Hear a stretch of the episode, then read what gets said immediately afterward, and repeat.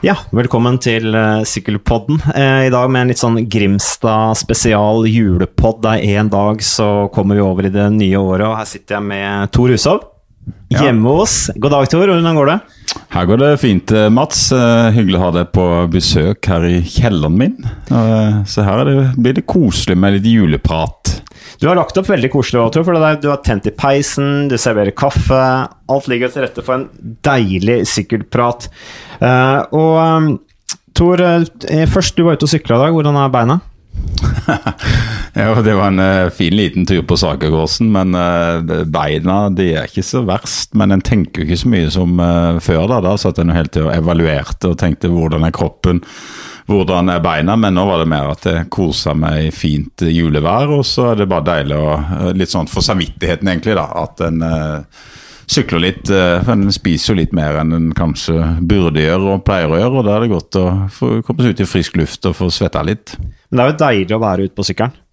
Ja, jeg syns faktisk det er deilig fortsatt. Og det tror jeg, eh, det tror jeg er et litt signal på at jeg ga meg i uh, tide. sånn at Jeg syns fortsatt det er hyggelig å sitte på sykkelen, men, men, da er det mer sånn sosial trening og ganske avslappet. Jeg driver ikke med noen lange turer lenger, så Men jeg syns det er hyggelig å bruke sykkelen som et uh, treningsverktøy enda, og det er jeg veldig glad for. Men du trener jo også litt, du bor jo i Monaco til daglig, og da trener du litt med det svære proffmiljøet som er der. Så da er det jo greit å ha litt i beina enda? Ja, det er det. en blir jo av og til spurt om å være med en, en gjeng der nede. og Det er jo alt fra Mest pleier å sykle sammen med Philip Schubert, så når han er på de rolige turene, sånn to-tre timers turer, så uh, pleier jeg å være med. og da er det jo av og til så han samla sammen en gjeng fra flere andre fra Quickstep eller noen Sky-ryttere og sånn. og så, så er det klart Når en treffer de uh, Garen Thomas og uh, Chris Froome og de i fjellene, så er det ålreit å hvert fall henge med no, noen hundre meter. Og det klarer jeg fortsatt. Ja, men du er jo tøff til å tyne deg òg, så jeg merka det vi var ute og løp i går. Da hang du faktisk på meg også, så det sier jo noe om at du fremdeles har det mentalt, i hvert fall. Ja, det hadde jeg faktisk ikke trodd, Mats. Så jeg tror vi snakka hele veien. Og det sier jo litt, litt, om farta, gjør det ikke det? Jo, det var sånn fem, fem minutter på kilometerens fart. Men, eh, men Tor, eh, det er deilig å være tilbake i Grimstad i jula, vil jeg tro. Eh, har du kontakt med mange av uh, proffrytterne i dag? Du snakket, Gilbert vet vi at du har uh, ganske tett kontakt med, men snakker du noe med de andre der nede? Det er han jeg pleier å, å ha jevnlig eller han jeg har jevnlig kontakt med. Det var som han som ble i på slutten en av mine beste venner, sammen med egentlig Jens eh, Voigt. Men han, han, snakker ikke så mye med, egentlig. Men når vi treffes, er det alltid eh, veldig hyggelig.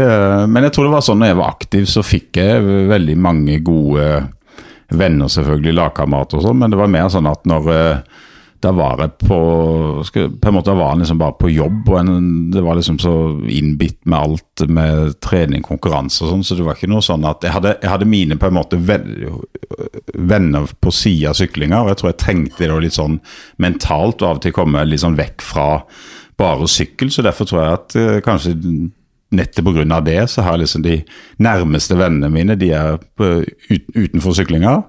Og, og, eh, Det er jo derfor i dag jeg har kanskje mest kontakt med de, men det er jo veldig mange og, og nå er det mange år som har gitt seg, selvfølgelig, men uh, som en har i feltet, som en ser på som uh, gode venner, og det er jo hyggelig. Du har alltid vært veldig bevisst på det der med balanse, det. Også når du var utover?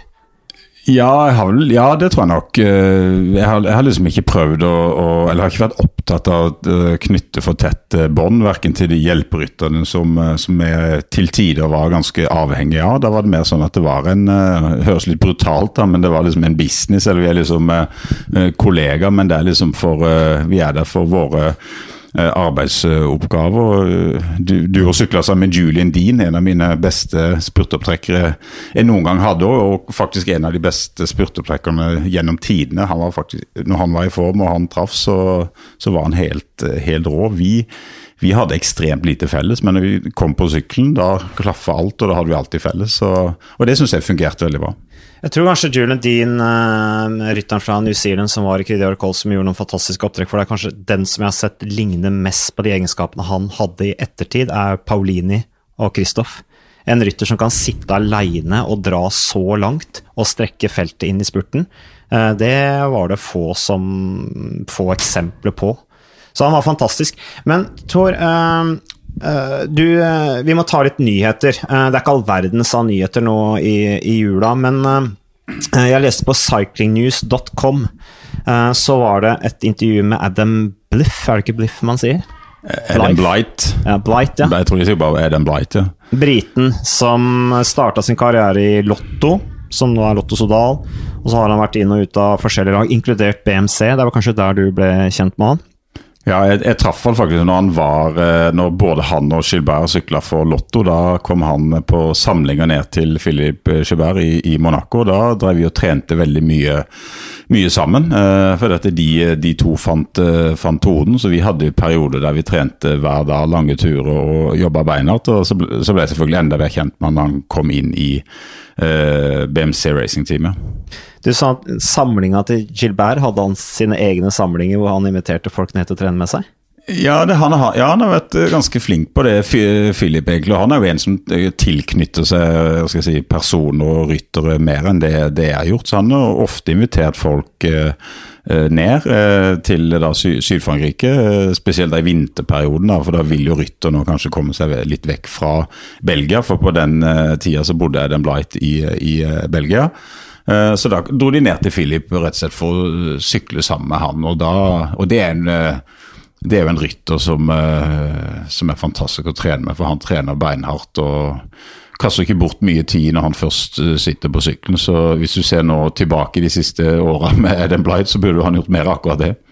Og Det sier han jo også i det intervjuet da, som jeg leste her, at han, nå bor han vel i Manchester, har stifta familie og sånn, og han snakker om den perioden i Monaco at han ikke var nok seriøs at han havna rett og slett på fylla innimellom. At det ble for mye drinker mellom treningsøktene. Jeg oppfatta at han er veldig sosial. Nå er jo ikke han her til å svare for seg, jeg skal ikke gå altfor mye inn på han. Men det som han sier, er jo det at nå, nå skal han jo inn i Lotto, Sodalien, tilbake til på en måte ringen er slutta. Uh, han, han, var ute og sykla med, med Swift, som jo kommer fra UAE. Swift skal jo tilbake til Team Sky, hadde tilbud fra Lotto. De to kjenner hverandre, er treningskamerater. Så sa da Swift til Bleif at du må ringe til Lotto, fordi Bleif var jo uten kontrakt.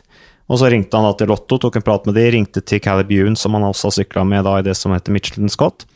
Og så ble de enige om at han skulle bli opptrekker da, i Lotto Sodal, som han sikkert har gode egenskaper til å gjøre, i tillit til at han er en veldig sånn sosial type Blife, har jeg skjønt. Så. Gidder du begynne å kalle han Blight? Blight? Ja. da sier vi Blight fra nå. Uh, det, jo, men Blight, ja. Eh, det, rett skal være rett. Uh, men uh, tilbake til Blight. Altså, han skal da på tilbake til Lotto Sodal, og han men det han også sier, da, som er litt interessant, det, det som vi også snakka om på den der løpeturen vi hadde i går, var at han sier altså at i Lotto Sodal så er vi liksom, der driver vi med sykling pga. lidenskap. Vi driver ikke med sånn marginal gains bullshit, sier han. Uh, og det var litt interessant, uh, som jeg kunne ta, ta, opp her nå i en juleprat på denne podkasten. Uh, marginal gains, er det bare tull, eller? Nei, sånn, skal jeg ta Adam, Adam Blight. Før, så flyttet han til, til uh, Monaco som en ung skal jeg si, singel kar som ble litt for glad i, i livet på en måte som Monaco har å tilby, og hadde for lite disiplin. Uh, og, og, fikk så, sånn sett feil venner i den form at de var ikke så opptatt av syklinger, for det var ikke aktive syklister, men de trimma, der, der, nede. Men det, men det, er jo sånn i sykkel at i all idrett og all toppidrett så må du ha, ha disiplin, og det mangler sånn som dem Adam Blight, og så han prøvde å ta sånn skippertak opp igjennom. Så han klarte å komme på et stort lag. Han var innom eh, Tinkoff, og så var han innom eh, han var selvfølgelig innom BMC, og så gikk han ned litt i på litt mindre lag. og så, så han har liksom alltid klart sånn i, i, på en måte i siste God overlevelsesevne? Ja, god overlevelsesevne. Akkurat klart å få en ny kontrakt da med et uh, World Tour-lag som han klarer å nå, nå igjen. Og, og Uten at jeg leste det intervjuet som Adam Blight hadde, så, så, som du sa, så snakka vi litt om det på, på løpeturen i, i, går. Og det er jo blitt sånn nå at sykkel er jo litt sånn eh, splitta i Nå skal jeg ikke gå inn på det sykkelpolitiske og hvordan det sykkel er styrt, men det er jo splitta i form av hvordan øh, øh, rytter ryttere, lag, oppfatter hva er riktig trening. Hvis du tar kaller det Team Sky-regimet, som er, eh, som er beinhardt, alt er satt eh, i, i system, så er, mange, så er, det mange, andre lag og ryttere som fortsatt sykler litt sånn på, på følelsen. altså De drar ut uten en, egentlig en plan, men de liksom drar ut og nei, nå skal jeg sykle med en en femtimer, og så føler de seg veldig bra. Så gjør de hardt i noen bakker, og så sykler de kanskje en seks og en halv time for de føler seg bra. Og så en annen dag så føler de seg litt tunge og sykler bare tre timer. At de gjør det rett og slett bare på følelsen.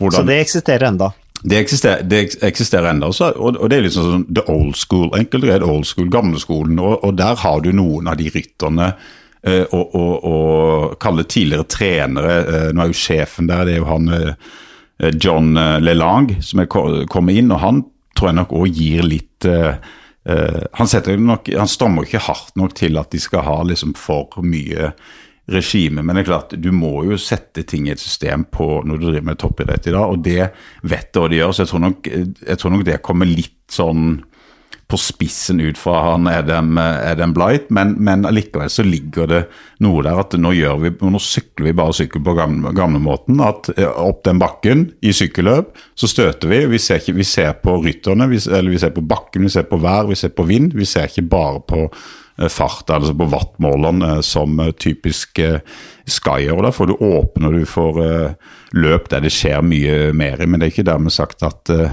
de kan vinne på den måten. Men, men, men husk på hvordan Sky sykler sykkelløp og ser på wattmåleren, eh, eh, som er mye mer kontrollert form å sykle på, så kan de vinne Tour de France. For jeg kjører opp et fjell som kan ta en time, men når du kommer til eh, klassikerne eh, Flandern, eh, Paris-Roubais, de, de, løper der, så, så, nytt, så kan, da kan du legge den der wattmåleren i bak i uh, bukselomma. bak i følgebilen, eller bare hive den inn i, inn i, bussen. For der må du bare sykle på, på følelser, følge feltet og vær og vind, enkelt og greit. Og det taktiske, ikke minst. Ja, det taktiske, selvfølgelig. Uh, Lelang som vel Ja, han var jo i BMC. Han var sportsdirektør for deg der, var han ikke det? Jo, stemmer. Han var der før han uh, ja, fikk beskjed om å gå. Ja, Så han kom jo da til Lotto Sodal for å tilføre et eller annet. Eh, er han på en måte systematikeren, eller? Fordi Lotto Sodal går jo for å være veldig old school. Carl Fredrik Hagen er jo i det laget, så er det interessant. Altså, han skal jo sykle første sesong der neste år. Carl Fredrik Hagen som da sykler i Joker i Kopal. har hatt en flott sesong. Men uh, ja, hva er din oppfatning av Lotto Sodal? Har du hatt tilbud fra dem, forresten? Uh, jeg har vært i, i uh, dialog med dem med en markssersjant. Det, har det har alltid vært et, uh, et, fantastisk bra lag. Det har alltid vært et bra klassikerlag. De har alltid hatt gode spurtere, så de har vunnet på en måte og, og hevda seg der jeg var si, min type rytter, mer enn f.eks. å gå for sam, sammenlagten.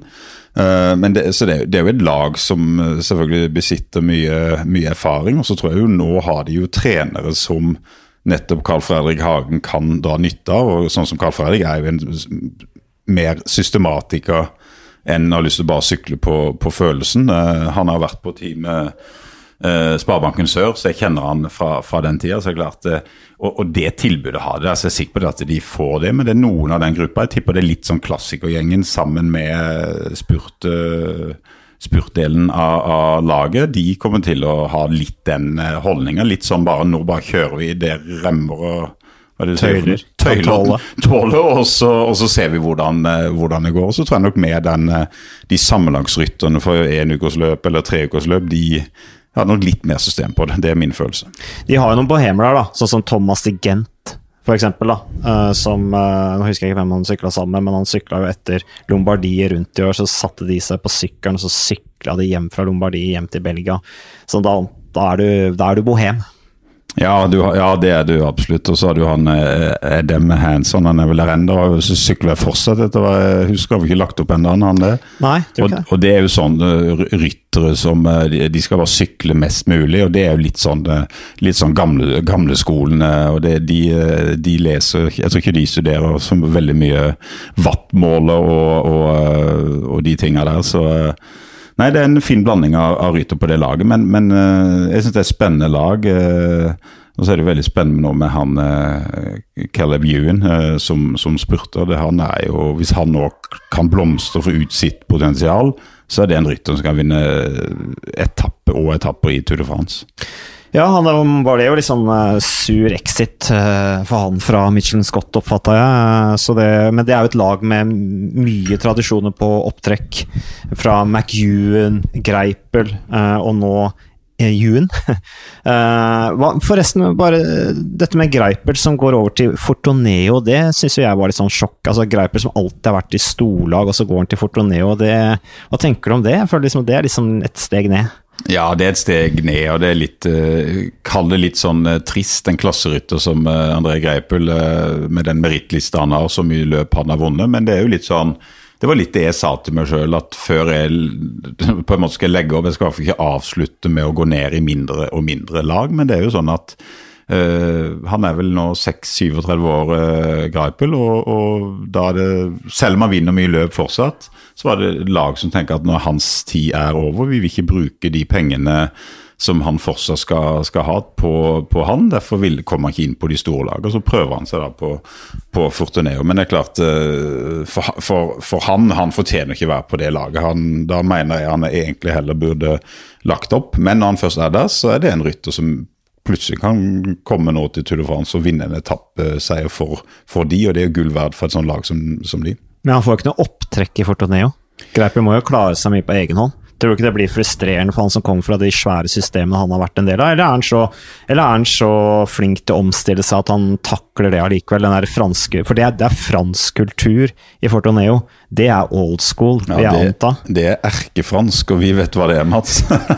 vi har jo hatt fem år sammen på franske Cridac så vi vi vet hva fransk er og, og franske kulturen, og det, selvfølgelig så krasjer det litt med eh, en rytter som eller skal jeg si en erketysker, men, men, igjen så det går det på innstilling. Han er innstilt på å være der nå. Han kommer nok litt sånn ja, ikke med halen mellom beina, men han viser nok sin respekt og skjønner, skjønner uh, hvilke lag han er på. Da kan du heller ikke forvente for mye. Han, han kan ikke forvente at han skal ha et, et spurtopptrekkstog uh, som skal dra han frem til 200 meter Eh, til, eh, til målstreken. Men han har også sett han vinne etapper og store løp uten hjelp av hvert frem til de siste par hundre meterne. Så han, han kan med erfaring uh, på de spurtene som er reine. for han, han, Når det blir for mye fighting og posisjoner og sånn, da trekker han seg litt unna. Han er litt feig, han er litt redd. og da da kan det bli tøft for han, men uh, han, Er han feig og redd, altså? Greiper? Ja, han er feig og redd. Når det blir for vilt, da trekker han seg unna. og Da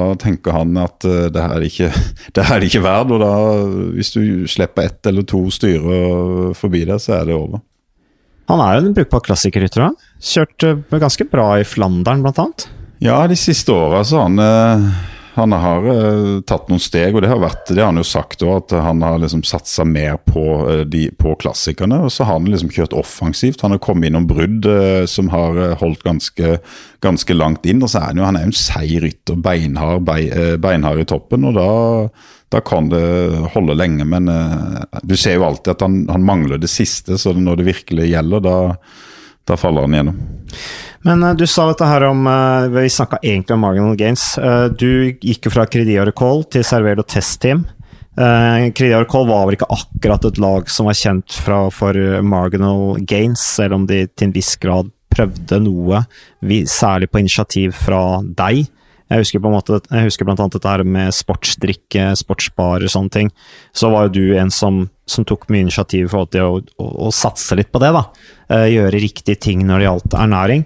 Men, men du gikk jo til Servelo Testteam, og det var et lag som ble kjent nettopp for utvikling av uh, utstyr, marginal gains, testing, forskning, altså så, så det, det, løfta jo dere. Det, jo, det, det, gjorde jo at dere var sterke som et kollektiv i, i Servel og Testteam.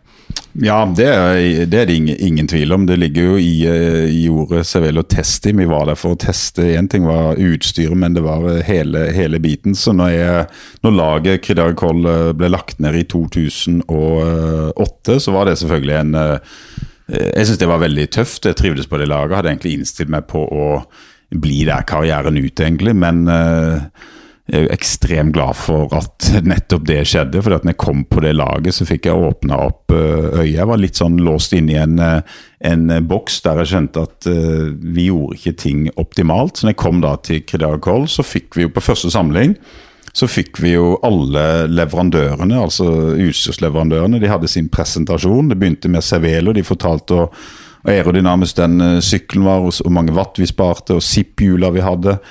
Uh, Speedplay-pedalene de var uh, syv De skulle uh, Du skulle spare syv watt på de, og så var det dekka var mye, mye mer rullemotstand. Så var ikke minst kastell i tøyet. Det var det helt rått.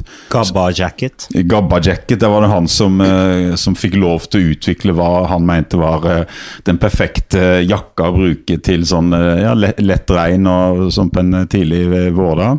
Altså Gabriel Rask, som ja. var din lagkamerat der.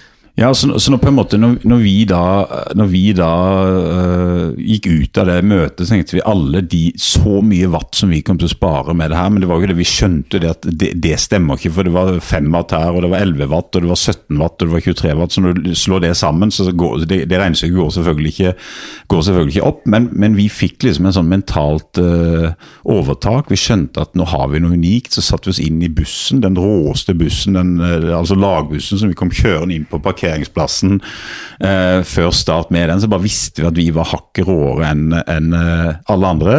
Så vi gikk ut dit og, og, i løpet da, med et mentalt uh, overtak og, var sånn gode, egentlig sånn gode på seg sjøl. Litt sånn Sky er nå. Så jeg syns den lille linken der kan, en, kan jeg se og kjenne meg igjen i. Bortsett fra at dere var et lag i pro-kontinentalnivå, altså dere var under World Tour-nivå, annendivisjon. Eh, men dere var jo offensive som bare det og tok jo tak i rittene eh, helt uten komplekser.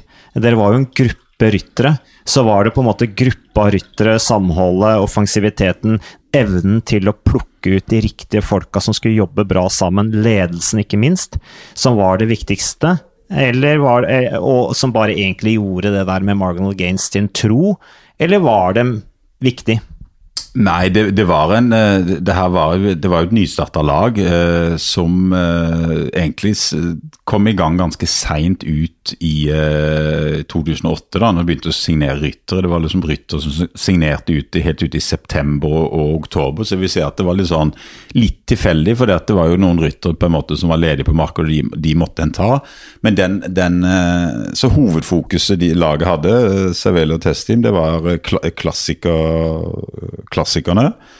Og så var det da eh, Tour de France med Carl Sasse som hadde vunnet det året, da i 2000, 2008. Men, men, på en måte den, den, gjengen de fikk satt i sammen til klassikerne, med jeg vil si Andreas Klier i spissen eh, sammen med Roger Hemmen, som hadde mye erfaring, men, men den taktiske eh, evalueringa han gjorde til hvert løp, Andreas Klier Han bo, hadde bodd i alle år i Belgia, så kjente det som sin egen bukselomme. Han kunne si Eh, F.eks. i uh, Flandern rundt, når han så på hvordan vær og vind var, at uh, i den byen, etter 54 km, der kommer bruddet til å gå. Og det, å, og det, er det som kommer til å gå resten av dagen, som en sier. Og det stemte. Det stemte på mange løp. Så på en måte en fikk en sånn derre et overtak, og så brukte en bare enkelt Jeg brukte bare vær og vind. ikke sånn Vind i sykkel det er undervurdert. Det, det er noe av det viktigste verktøyet. og Det var det, det vi gjorde. Blokkerte veien. Ja, dere kom med en ny taktikk, dere. Det var de første som begynte med det. Ja, ja, helt ny taktikk. Og da sto jo Andreas Glir og forklarte uh, da det, de som ikke helt skjønte hvordan det gikk ut på, hvordan skulle da f.eks. i sidevinden da slippe uh, sine egne inn, sånn at du til slutt var åtte mann på, på, på rad og rekke. Så, da, så kan du da, hvis vinden kommer til venstre, så legger du lenger til høyre i vinden, sånn at det er færre som det er plass til i da, en sånn vifteformasjon. og da gjør det sånn at plutselig når, du, når den vifteformasjonen kommer til kanten av veien, så, da, så må du legge deg bak rytteren, og da pga. sidevind så møter da den rytteren eh, vinden. Så, så, så, da kan du egentlig ligge der og kontrollere egentlig når du først får det overtaket, hvor mange du vil ha med deg inn i vifta. Så kommer du inn på små veier, så kan du legge deg helt foran i tet, og så nærmest taktisk messig bare blokkere veien. At du bare stopper. Ja, dere sykla sakte? Ja, sykla kjempesakte. Du sykler 15 km i timen. Med alle, med alle, rytterne fra ett lag eh, foran, og så bare fikk, fikk du en av gårde, sendte en av gårde. Da var det ikke plass til de andre kom forbi. Det, det høres jo brutalt ut og nærmest jeg si, ikke helt fair, men det er jo sånn det fungerer i, i, i sykkel. at det, er kamp om å komme inn først på de smale veiene. Så må du bruke de fordelene du har der, den taktikken du har der på de små, små og smale veiene. Ja, for det dere gjorde nytt, var at dere, dere på en måte dere bremsa jo farta.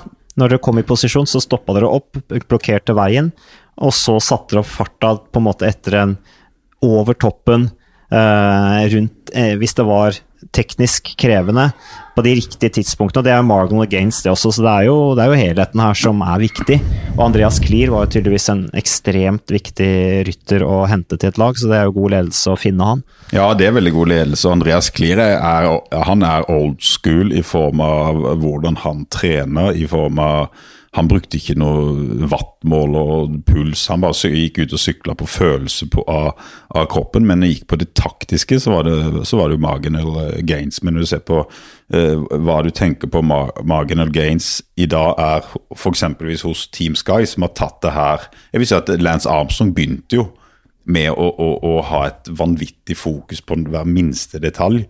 Uh, og så har Skype på en måte tatt det til et annet nivå. Hva gjelder selvfølgelig mentale bit, men også gjelder kosthold, uh, trening og det med følge watt. Og, og, og, tydeligvis en helt ny form å kjøre uh, intervaller på. Og, og, det med å presse kroppen. Du ser bare hvor, hvor tynne sykkelrytterne er i dag i forhold til 10 år tilbake i tid, eller 20 år tilbake i tid. Det er helt to vidt forskjellige ting.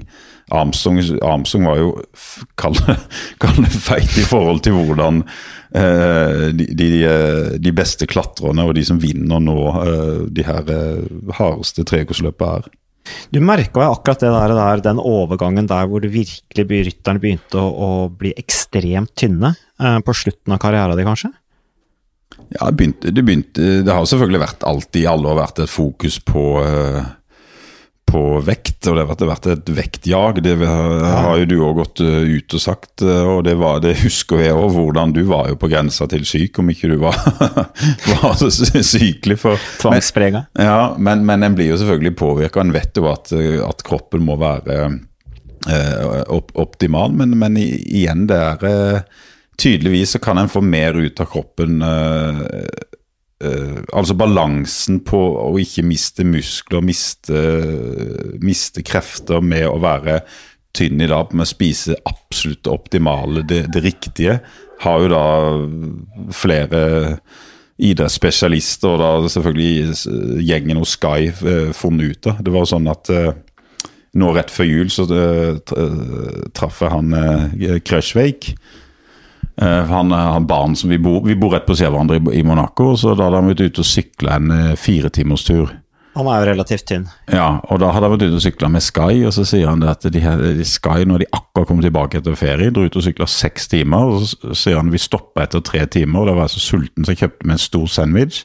Og da satt Chris Froome og Garen Thomas og spiste eh, hjemmelagd riskaker, altså som, eh, eh som laget av Steffet som de har der nede, laget til de for den turen. så ikke sånn før så koste rytterne seg da, ikke sånn spesielt i november-desember, men nå så er det bare beinhardt fokus for å, for å komme ned inn, si, i, i matchvekt og, og, bli 100% fit.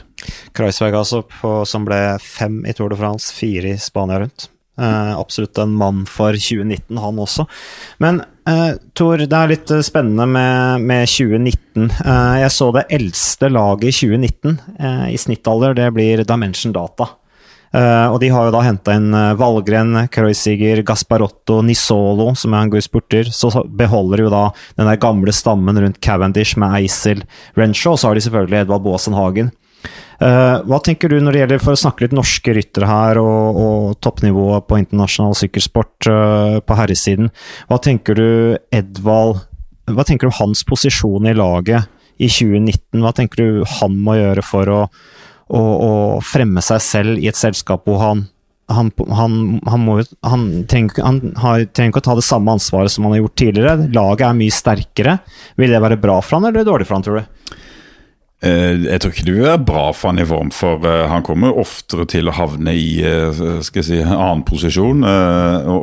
Men det Edvard må gjøre, han må bare enkelt og greit vise med beina at han er sterk og han er god og han er til, tilbake. For Edvard er jo ikke en så godt jeg kjenner en fyr som kan selge seg sjøl inn med å si at nå er jeg i kanonform, jeg skal være 100% klar til f.eks. Uh, uh, Paris-Roubais, da, for eksempelvis, og si at det skal jeg gå for, eller Emsel Gold Race.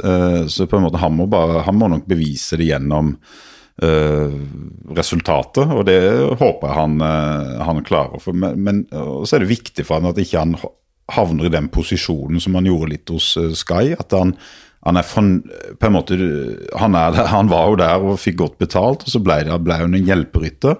Og så Hvis han er fornøyd med bare å være hjelperytter uh, og gjør den jobben bra, så, så, er det jo ikke så lett for han. Og, og, og Det var det han var på Sky, han var fornøyd med å være, være hjelperytter. Så de få gangene han fikk en sjanse, så, så, tok han jo, jo den. Og når han da gjorde en god jobb som hjelperytter, så var jo laget og ei, eller ikke sant, sjefen hans, de, de som betaler lønnen hans, de var fornøyd med jobben han gjorde, og da var jo alt alt uh, fantastisk. Uh, men så lenge ikke han mangler den, den killerinstinktet eller den vinnerinstinktet som mange, da, mange har, sånn som f.eks. Uh, Cavendish, da kan han komme litt bakpå, spesielt nå med det laget de, har, de har nå. ikke sant? Du har Valgren, du har flere ryttere der nå som Eh, kan ta Edvards posisjon. og Da snakker vi om løp fra alt fra Het Noisblad til uh, Milan San Remo, Flandern rundt uh, Amstel. Ja, sånn, Etapper i Tour de France. Sånne ting. Det eneste kanskje han får en,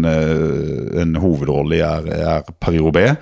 Uh, ellers er det rytter nå som uh, dessverre de par siste årene har vist seg å være sterkere når vi ser på det nye laget da, til Dimension Data. Du, hva tenker du på med trening og Edvald? da? Altså, jeg, jeg, hadde jo en podkast med Edvald uh, i høst uh, hvor jeg utfordra ham litt på dette med trening og hva slags type rytter han er. Og så sa jeg er du egentlig en spurter? For han, Man snakker veldig mye om at han er en spurter, men er han, han, er jo egentlig ikke en rein spurter. Uh, og hvis Du tenker tilbake, du nevnte Sky-tiden, hvor han jo var ekstremt god til å klatre. Han ble to i VM i Falkenbrunn, bl.a. Uh, foran Valverde, bak Gilbert. Eh, hva slags fokus ville du hatt om du var han når det gjelder selve treningsarbeidet? Nei, det, det, er jo det som er så sykt med Edvard. Hvis du ser, hvis, uh, ser på Edvard fra han begynte å slå igjennom, så har han jo vunnet flere for, forskjellige typer sykkelløp. Han har jo Bare for to år siden så var han jo med og uh, nærmest vant uh, spurter i Tour de France. Da han med de beste var med. Altså Kittel en, Jeg husker alle den han ble slått med bare Mikro... Ja, ja. millimeter eller noe. Ja, ikke sant. Uh, så det er klart, og, og, ikke, og ikke, minst når, når, han hadde sine beste år, om det var i 2011 han, eller 2012, når han lå og dro for uh, uh, Sky og det bare satt igjen en 25 mann i fjellet. Så, så jeg mener han, han har et enormt potensial, som selvfølgelig er ikke noen nyhet nå å si at Eh, det har han ikke fått ut til sitt fulle nå i det siste. Men, det, men da er det jo viktig. Det var sånn som når jeg satt med eh, som mål eh, F.eks.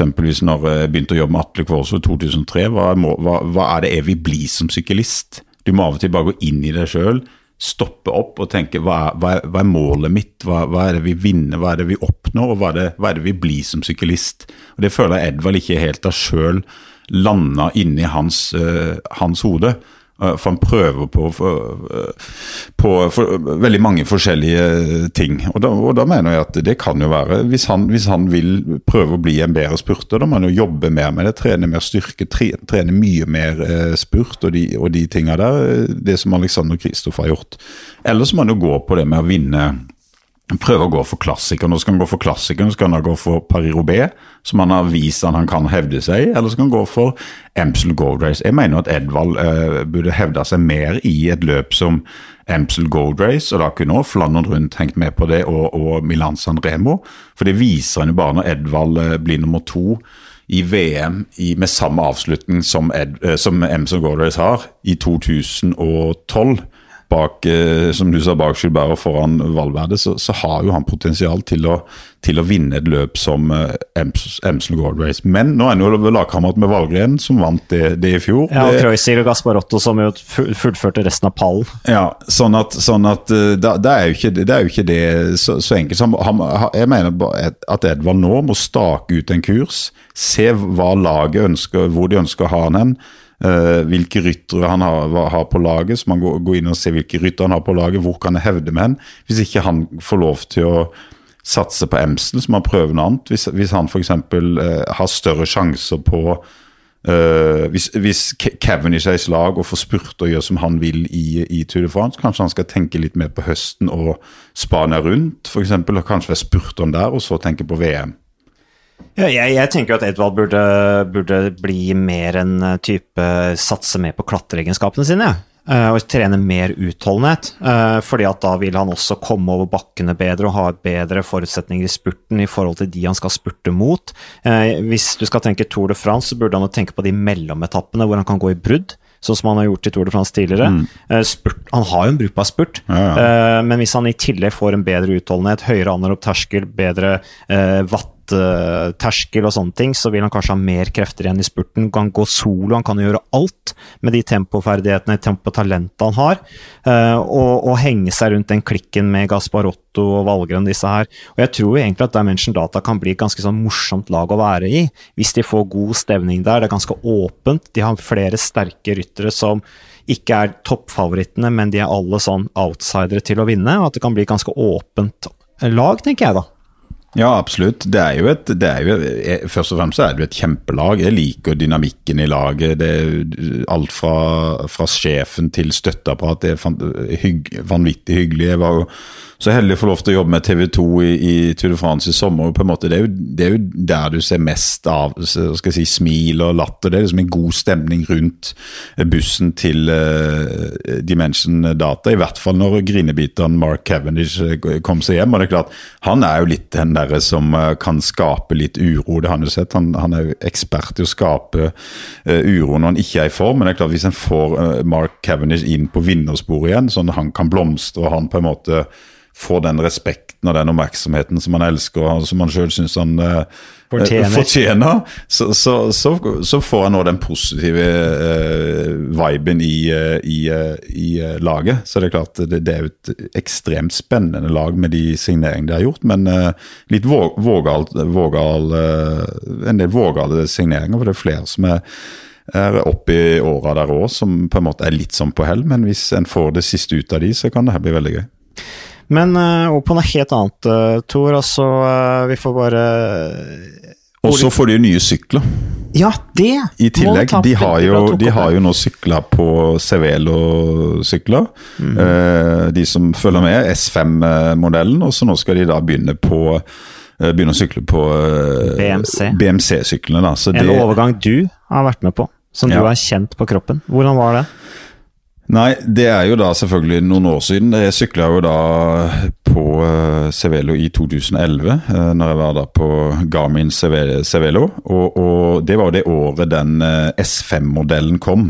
Uh, som da de sykler på i, i, i dag. Uh, og det er klart Fra 2011 til 2018 så er jo det en del, eh, del år siden. Og det er klart den modellen tror jeg rett og slett i forhold til dagens andre konkurrerende sykler er litt Den er for gammel, enkelt og greit. og det vet jeg at rytterne i Dimension Data har irritert seg over.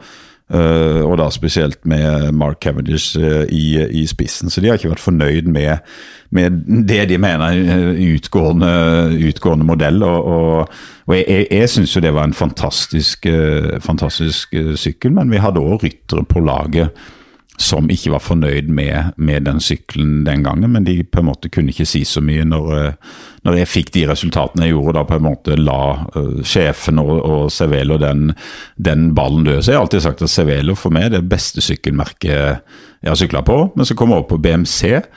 Uh, som jeg sykla til og med 15-modellen, så det det er, jo mye nyere. så BMC-sykler de lager gode sykler, men jeg vil si at det, det er en sykkel som alle kan sette seg på og være fornøyd. Den sykkelen som bare fungerer. Den er stiv, den svarer, den responderer, den er som passe aerodynamisk. Så, så Cervelo-sykkelen er mer en ekstrem sykkel. Passer opp noen, så er den veldig god, men motsatt så er det da mye verre. Men, men BMC-sykkelen tror jeg kommer til å passe de fleste av de rytterne på det laget. Så jeg tror de, de i hvert fall slipper den negative eh, tingen der da, som jeg vet var mye uro, spesielt i Tour de France. Så får jeg håpe det at uh, for Sunweb at de får, og Tom, Tom Dumoulin og gjengen, at de får ny, nye, nye uh, modeller fra Cervelo. For det er, jo, det er jo nå De skal jo da sykle på Cervelo fra, fra og med neste år. Jeg regner jo med at Sunweb med Tom Dumoulin, og den gjengen der i spissen, som for øvrig kanskje er det, så vidt jeg så, den yngste World Tour-laget neste sesong. Det er kanskje ikke så bra tegn for Tom Dumoulin, men uh, uansett. Uh, men når det er sagt, så lager Cervelo det er absolutt en av verdens beste temposykler. Sånn at uh, hvis de nå får en ny modell som jeg tror de holder på med, så tror jeg det her blir, kan bli veldig bra. Vi satser på at Sunweb blir fornøyd med det, eller vi satser ikke på det. litt ettersom hvilke øyne som ser, men vi håper jo at Edvald da vil klare seg bra på denne BMC. Jeg ba jo Edvald når jeg hadde en podkast med han Eh, og spørre deg om eh, din følelse fra Cervelo til BMC. Har han ringt deg eller spurt? Nei, han har ikke ringt meg og, og spurt, eh, og det tipper jeg heller ikke han kommer til å gjøre. er ikke det litt typisk disse unge gutta? Men Tor, da skal vi snakke fotball. Altså, Ole Gunnar Solskjær, alle snakker om han hele tiden. Da må vi også gjøre det på sykkelpodden. Ja. ja. ja. Har du noen kommentarer til hans overgang til Manchester United og dette her at de vinner? Uh, fotballkamper? Først er det jo ekstremt imponerende at en uh, nordmann, uh, Ole Gunnar Solskjær, tar over da Manchester United som altså, Han blir hovedtrener. Det er jo fantastiske nyheter, selv om på en måte det er et en foreløpig jobb. Seks måneders vikariat, om du kan kalle det, kalle det. Og så kommer han jo inn da selvfølgelig et heldig tidspunkt. Møte, har møtt to lag. Uh, som, er, eh, ikke de, eh, som ikke er så høyt oppe på, på, tabellen. Så på en måte det er jo lag som ManU burde slått uansett. Eh, og jeg tror faktisk i de, i de, akkurat når vi snakker nå, så spiller de en kamp nummer tre. Ja, mot, de, mot, et lag de også bør slå. Ja, og der så jeg i start de leda 1-0, så vi får vi får satse på at de fortsatt uh, leder, an, leder, an, der. For det, det, er ikke Jeg mener, jeg, jeg, jeg, følger med på all idrett og følger med på engelsk fotball, men det, hvis det er et lag jeg heier litt på, uh, så har det alltid vært Manchester United. Så nå er det ekstra gøy å følge med, og det er jo blitt sånn nå. Jeg føler at skal jeg si, vi nordmenn har fått en sånn ekstra boost og følger med på det, hva han holder på med. Så jeg syns det er kjempegøy. Men grunnen til at jeg spør om det, da, det er jo for å relatere til sykling. Ja. Eh, fordi at eh, når du kommer inn i et stjernespekka lag eh, og tar over, og så begynner de å vinne, eh, så dette her med ledelse har jo veldig mye å si. Det står veldig mye om dette at han klarte å skape humør igjen i laget. Han la gutta få spille fotball. 4-1. 4-1 etter 75 spilte minutter. Og Pogba har uh, eh, skåra to, så det er liksom bra å få en sånn kar til å blomstre igjen. Ja, og det, det skulle jo bare mangle så god som han er til å spille fotball, men Mourinho altså eh, Litt relatert til min erfaring som proffsyklist også. Det der når du blir profesjonell utøver, eh, overgangen til det profesjonelle kan være ganske brå. For det er jo en helt annen Du er en helt annen posisjon plutselig. Fra å være uh, ung, talentfull i et trygt hjemmemiljø som blir tatt veldig vare på. Du kan snakke om å legge opp, og så ringer liksom sykkelpresidenten og ber dem å fortsette på det nivået der. Uh, men så blir du proff, og så er det kjøpers marked, og så er det Er du god, leverer, så, så får du være med videre. Leverer du ikke, så, så er du ferdig. Uh, men dette her med ledelse uh, Jeg husker jo dette med humør i laget. Der er, det, der er det mye rart i sykkelsporten, tror jeg. Uh, og Det kan sikkert du skrive noe på også. Men jeg husker bl.a. i Kridiarkol, som var et fantastisk lag. Vi hadde kjempehyggelig bra uh, der. Men vi hadde jo morsomme ledere. vi måtte jo le litt av de. Jeg husker en gang vi sykla Catalonia rundt Uh, og så var det sånn at vi sykla dårlig den dagen. Vi gjorde ikke som vi fikk beskjed om å gå i det bruddet som gikk. Uh, hvor det seilte av gårde sikkert 20 ryttere. Vi, ingen fra Kridiarkol, sånn som vi ble enige om. Uh, og så gikk altså Serge Boucherie og en eller annen assistent rundt i korridoren, gikk inn på rommene. og skjelte ut Kanskje mm. litt harde ord å bruke, men altså skulle ha en alvorsprat med alle. Eh, mm. Det var tungsinn, det var, var, frustrasjon fra ledelsen. Og så visste jo vi at Serge og han, kameraten hans ville komme inn til oss, og vi var på en måte mentalt innstilt på det.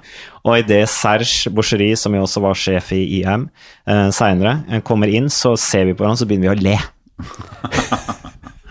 og han med sine franske fakta og så videre bare men, dere nordmenn ler, sier han. Uh, men altså, jeg, altså, jeg vet ikke, husker ikke om det var deg eller om det var meg som sa det, men jeg, jeg tror faktisk det var meg at Serge, det kommer en dag i morgen, sa jeg. Altså, vi kan, ikke, vi kan ikke dvele for mye med dagen i dag. Et eller annet sånt sa jeg.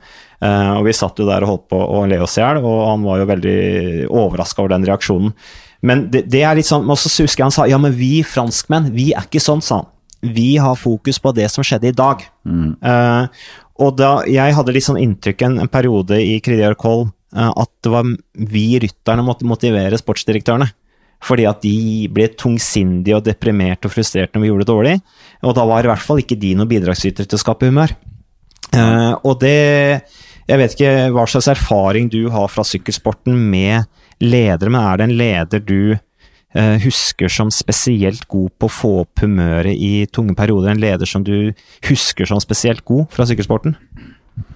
Ja, det er jo, hva skal jeg si, mine ni første år som proff, det var jo da på eh, franske Crédagicol, da med en sjef som heter Roger Leger, som jeg har eh, alltid respektert. Og det er litt sånn som du sier, Mats, eh, jeg husker den reaksjonen vi hadde der. Det var jo vi fikk jo fullstendig latterkamp, og han satt og uffa og stønna og armene og beidet var liksom fransk på sitt beste, eller på sitt verste. Det mest morsomme. Ja. Og, og, men det, det, er jo viktig på en måte når du er i et, er i et uh, lag, at du på en måte du må respektere Eller du må innrette deg etter, etter ulike uh, land du er i, ikke sant. Altså mista jeg ordet her i Kulturer. Ja, kulturer. Uh, og, det mener jeg at jeg alltid prøvd på sånn som i Frankrike, der på en måte du har en veldig sterk kultur. Da må du på en måte respektere den kulturen. Uh, Eh, kulturen de har, men så kan du på en måte være med og, og påvirke det og snu det. Så begynner de kjenne du, du som, som, utøver, men på en måte en, i utgangspunktet en gjensidig respekt. Det er jo i hvert fall det, det viktigste. Og så, har jeg jo hatt han på det beste, fordi at han ga en trygghet til utøverne. Og så mener jeg at han satt, satt krav til oss når vi trengte det, og, og hvis ikke det var for, for altså det gjaldt som mest, så skjønte han ok, da tar vi nærmest en, en hviledag. Men i dag har dere rota det til, eller i dag har dere slappa av. I morgen, da skal dere prestere. Det mener jeg er ekstremt viktig. Men så har du en, er du en uh, sjef som Jonathan Waters, uh, som, uh, som, er en ekstremt spesiell kar på, på, godt og vondt. Og det var jo en sjef som jeg hadde i 2011 Eh, det ble da en sammenslåing av hans sitt lag og det Cevedo Test Team, som på en måte ble en sånn fusjon der som eh, ja, som bare, eh, som bare Det skjedde bare i min karriere, da. Og, og, vi fant egentlig ikke sånn veldig tonen til, til å begynne med. Og den mest spesielle sjefen jeg noen gang har vært ute for, han dro på vinsmaking dagen før Paris-Roubais, kom inn i bussen og, og sa at ja, du, vi jeg må, jeg må, Ja, lykke til i morgen. Vi, eh, jeg skal på vinsmaking med den nye kjæresten min. Og når, når, det er sagt, så eh, sliter vi litt med pengene nå, så vi kan ikke betale et reise til og fra flyplass og løp når dere skal på løp og sånne ting. Og da, Dagen før Paris-Roubais. Og, og, vi bare tenkte er det mulig å være så tjukk i huet? Hva er det han holder på med? Dagen etter så går laget bort og vinner Paris-Roubais. Med Johan van Summeren. Med Johan van Summeren. Så på en måte Eh, det som eh, eh, Jonathan Waters han var liksom mot lærebøkene. Han var det stikk motsatte, men han fikk et lag til å blomstre. Han fikk støtteapparatet til å jobbe hardt. Han fikk liksom med seg folk på en måte allikevel. Men det tror jeg var litt var fordi han ga fra seg så mye ansvar. så han, han, Jeg tror hver og enkelt individ skjønte at her må en ta tak sjøl. For hvis ikke skjer, skjer det ikke noe. Og når, når du sjøl tar tak, eller på en måte får muligheten, eller du får et ansvar, så går, tror jeg det går så dypt inn i arbeidsoppgaven at Han gir de, tillit. Han gir tillit at det òg er til syvende og sist en god lederstil, selv om jeg mener han egentlig ikke skjønte hvilken lederstil han sjøl hadde. da. Flaks, eller ja. altså Det var ikke flaks, man hadde jo en ekstremt god gruppe med ryttere der, da, ja, i Garmin. Ja, da, men allikevel, du skal, du skal ha et lag med 70-80 ansatte som har lyst til å gå til løpet motivert, og hvert når de drar dit, så gjør de jobben sin, og, og på en måte alt fungerer. Og det, og det fikk, han, uh, fikk, han, hele veien. Og så kom jeg til BMC, der han virkelig skulle samle troppene. De signerte de beste og de dyreste rytterne, og på en måte nå skal vi ut og rocke bakke, og det, vi var liksom positivt innstilt. Og sjefen eh, Jim Okovic, han var jo en sånn han er erkeamerikaner, bygde oss opp og liksom Go out there, boys, and have fun. you know, og, og, og men så stemte det ikke. Der stemte ingenting i de to, to første, første åra. Så det er av og til, det, det av og til eh, vanskelig å sette fingeren på hvorfor ting ikke eh, fungerer. Det er jo sikkert samme som det er i, i fotballag. Noen ganger så går det ikke, og så kommer Solskjær inn, så han snudde litt. Selv om han nå spiller mot uh, uh, lag som på en måte kanskje ManU hadde slått uansett, så han fått liksom andre til å blomstre. Det går bare noe med innstillinga til hver, hver og enkelt. Du vil ikke ha med seg bare sånn at han sier gutta, dere kan dette her, så gå ut og spill fotball. Nå har ikke vi peiling, vi kan egentlig ikke uttale oss, dette er ikke en fotballpod heller. Men, men, uansett, altså Mourinho, da, altså, bare litt dette med tungsinn. altså Det inntrykk man får han er at han tar seg, at han er ganske pompøs leder. Uh, han tar uh, ansvaret sånn ekstremt på sine skuldre, og så går det, binder hele laget seg pga. Lederen. Det er litt sånn det inntrykket jeg får, da. Men, uh, men, det er jo interessant det du sier der om Jonathan Walters, at han på, på, en måte så føler man at han ikke ha, hadde kontroll, egentlig. At han han henta jo en Peter van Petergem der, ikke sant, tidligere Flandern Rundt-vinner, som skulle være en sånn klassisk Han skulle være en leder i klassikerne, men bidro han noe særlig, ja? Belgieren? Nei, egentlig ikke. For vi hadde Andreas Klier som, hadde, eh, som var veldig tydelig på taktikken. Så det var, det var mer en sånn derre Ja, desperat handling for å få inn en kar som kunne ta en posisjon eller ta ta en plass. Men det er klart, eh, fordelen med det var at eh, van Petergum og Andreas Klier er perlevenner. Sånn at på en måte de kunne gå enda dypere inn i, i uh, prat med, med, altså med, taktikken fra rytternes side og fra bilen, altså sportsdirektørene. da, Sånn at den ble, ble enda mer uh, samsvarende. Så, sånn sett så, så, så var det bra. Ja, uh, bare kjapt, Tor. Kristoff, hvis du var han nå Kristoff er jo en tøffing, og han er en vinnerskalle, og så plutselig er han i den posisjonen han er. Hva ville du gjort hvis du hadde vært i hans sko i den situasjonen han er i nå? Nei, ja, Først er jo det Alexander har fått til i det siste, og det som du sier, den vinnerinnstillinga, vinnerskallen han er, så Det er ekstremt imponerende. Og så tror jeg nå kanskje det her gir han litt sånn ekstra motivasjon, eller liksom vekker litt den fanden i han som man uh, av og til uh, trenger. Det er jo det jeg mener Alexander Kristoff har som en, en styrke. De gangene på en måte alle vi, altså vi to Mats, sammen med andre i, i, i sykkelverden på en måte avskriver han. Det er jo da han eh, på en måte blomstrer. og Ofte er det sånn på VM i Bergen. ikke sant? Når ingen hadde troa på han, og da bare tenkte han sikkert inni seg at nå og Hvis han klarer uh, har den, litt den innstillingen overfor laget sitt og mot uh, uh, Gaviria, så kan han få til, få til litt sånn blomstre igjen. Men Eh, etter hva jeg leste i siste intervju, så får jo ikke han å velge om han skal sykle Tour de France. De skal samle det beste laget, sånn at han blir spurtopptrekker i, i Tour de France. Og det er jo selvfølgelig synd. jo, Gavira vil selvfølgelig ha den beste opptrekkeren? Ja, han vil selvfølgelig ha den eh, beste opptrekkeren. Så går det på det vil Gaviria stole på Alexander Kristoff, men de får selvfølgelig noe, to løp sammen. I hvert fall før, før Tour de France. De får på en måte samkjørt det litt. Men når Kristoff er der, så må han bare bare ta hver mulighet. Så får han bare gripe den sjansen. Og det er jo Det kan jo være da det Gaviria ryker av i en bakke, eller han er ikke fulgt med i sidevinden. Uh, uhell vet en jo skjer stadig. Da må bare Kristoffer gripe den, uh, den muligheten. Bør ikke Kristoff finne ut hva som er svakheten til Gavira, og så bli bedre enn han? Eller på en måte utfylle han der han er dårlig? Hvis det går an å tenke sånn? Ja, det, det, kan du si, men, men eh, Gavira har jo stort potensial, han òg. Altså, han, det er jo ikke sikkert han er så mye dårligere enn Kristoff på hans svakeste punkter, kanskje, i framtida, uh, som rytter. Altså, hvis du tenker på, du snakker om bakker, hvis han fiser en bakke eller Han er jo ung rytter, da, men han er jo også i en veldig utvikling.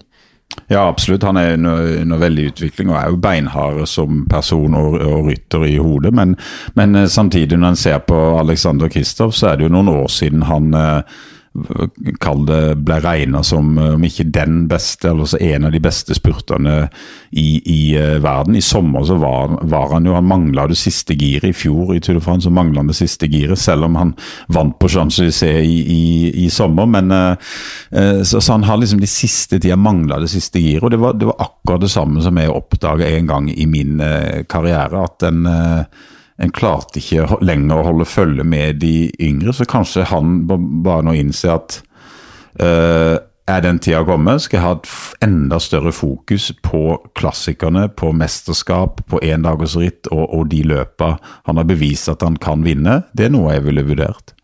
Hm. Tor, eh, nå skal vi snart gi oss. Eh, Team Sky, eh, har du hørt noe, er det noe sladder derfra, eller? Altså, de snakker om at ja, vi har jo ett år på oss til å finne ny sponsor, men de har jo ikke det. Uh, tida renner ut for hver dag som går, føler jeg, i den situasjonen de er i. Hvis de skal på en måte bevare laget sånn som det er nå.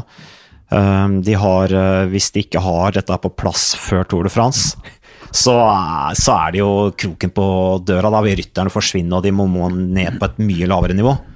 Ja, det er det ingen tvil om. De har selvfølgelig ikke god tid. Eh, skal jeg si Fordelen til uh, Brails eh, Ford, altså sjefen til sykkellaget Team Sky, det er jo den at han, han har tydeligvis uh, fått med seg sponsoren til å prøve å hjelpe de å finne noe. Altså, han har kommet i den posisjonen at du har mektige selskaper, internasjonale selskaper som har lyst å hjelpe han, og det er jo på en måte den beste veien, veien å gå. Men hvis det er sånn at uh, han står alene, skal prøve å finne nesten 400 millioner, som de har budsjett i dag, eller 350 millioner norske kroner i året, så er det det er nesten si en umulig uh, oppgave. Så, og Det er ikke sikkert det han prøver på heller. Kan godt være han allerede nå tenker at det, det, tallet må ned. For han kan, han kan fortsatt drive og drifte uh, verdens beste lag, eller et av verdens beste lag, med uh, vesentlig mindre, mindre penger. Så det er kanskje det han bør, bør legge seg på, for det, det ser jeg på som nesten umulig oppgave. Så jeg ønsker han lykke til, til, med det. Og så blir det jo sånn at det er ikke lenge Du kommer ikke langt ut i sesongen nå før uh, rytterne begynner å bli uh, utålmodige. Du har managere som sier at nå må du tenke på deg sjøl, nå må du tenke på hvilke lag du kan sykle på, du tenker på kontrakten din, du, du er, du er profesjonell Eller du på en måte du er uh, du har denne muligheten, du må ta de pengene, ikke stå, ikke stå nå ved det her laget. så det, det, er det som kommer til å skje. at Kommer man ut i i allerede i mars, til og med april, så kommer noen av de her rytterne. og Hvis ikke det er på plass, så kommer noen av de allerede til å signere i det stille, uten å fortelle til noen eh, med andre lag. Ja, så er det jo, men De har en del ryttere på lange kontrakter, da. Eh, sånn som eh, disse her colombianerne, eh, som jo vi vet er kanskje fremtiden. Vi hører jo Det er jo selvfølgelig bare rykter. Braceford som er i Colombia, hva gjør han der? Prøver han fiske sponsor der? Men det, det, er jo interessant det du sier der, at han, et, at han er en ekstremt god nettverksbygger på sånn corporate nivå, sånn at han får de gutta, businessgutta på laget til å, å hjelpe seg. Men Tor, jeg vet ikke, nå, du sa at du hadde satt av ca. én time til pressen i dag. Så nå har vi holdt på i 57 minutter. Oi, ja, men da har du tre, du tre minutter, på oss. Å komme deg ut av døra. Ja, så... Det er liksom At jeg skulle få besøke en journalist, altså en erkejournalist, nå i, midt i romjula, det hadde jeg ikke trodd. Men det var veldig hyggelig. Du hadde ikke noe særlig valg, da. Nei, jeg hadde ikke det. Men det var veldig hyggelig å ha deg på besøk, Mats. Jo, takk for kaffen. Eh, kaffe i eh, nisse julenissekopper. Veldig stemningsfullt med, med, fyr i peisen. Så om det ikke er noe du vil si før vi eh, legger på her nå Det er tross alt din debut på podkast. Ja, det er min første podkast, så det var det var gøy. Det var gøy å ta del av det, Mats. Og så skal vi ikke bare ønske alle lytterne godt nyttår, og så får vi håpe at det blir et stort sykkelår 2019. Vi satser på at det blir et veldig bra sykkelår 2019, og så ønsker vi alle en riktig god overgang til 2019.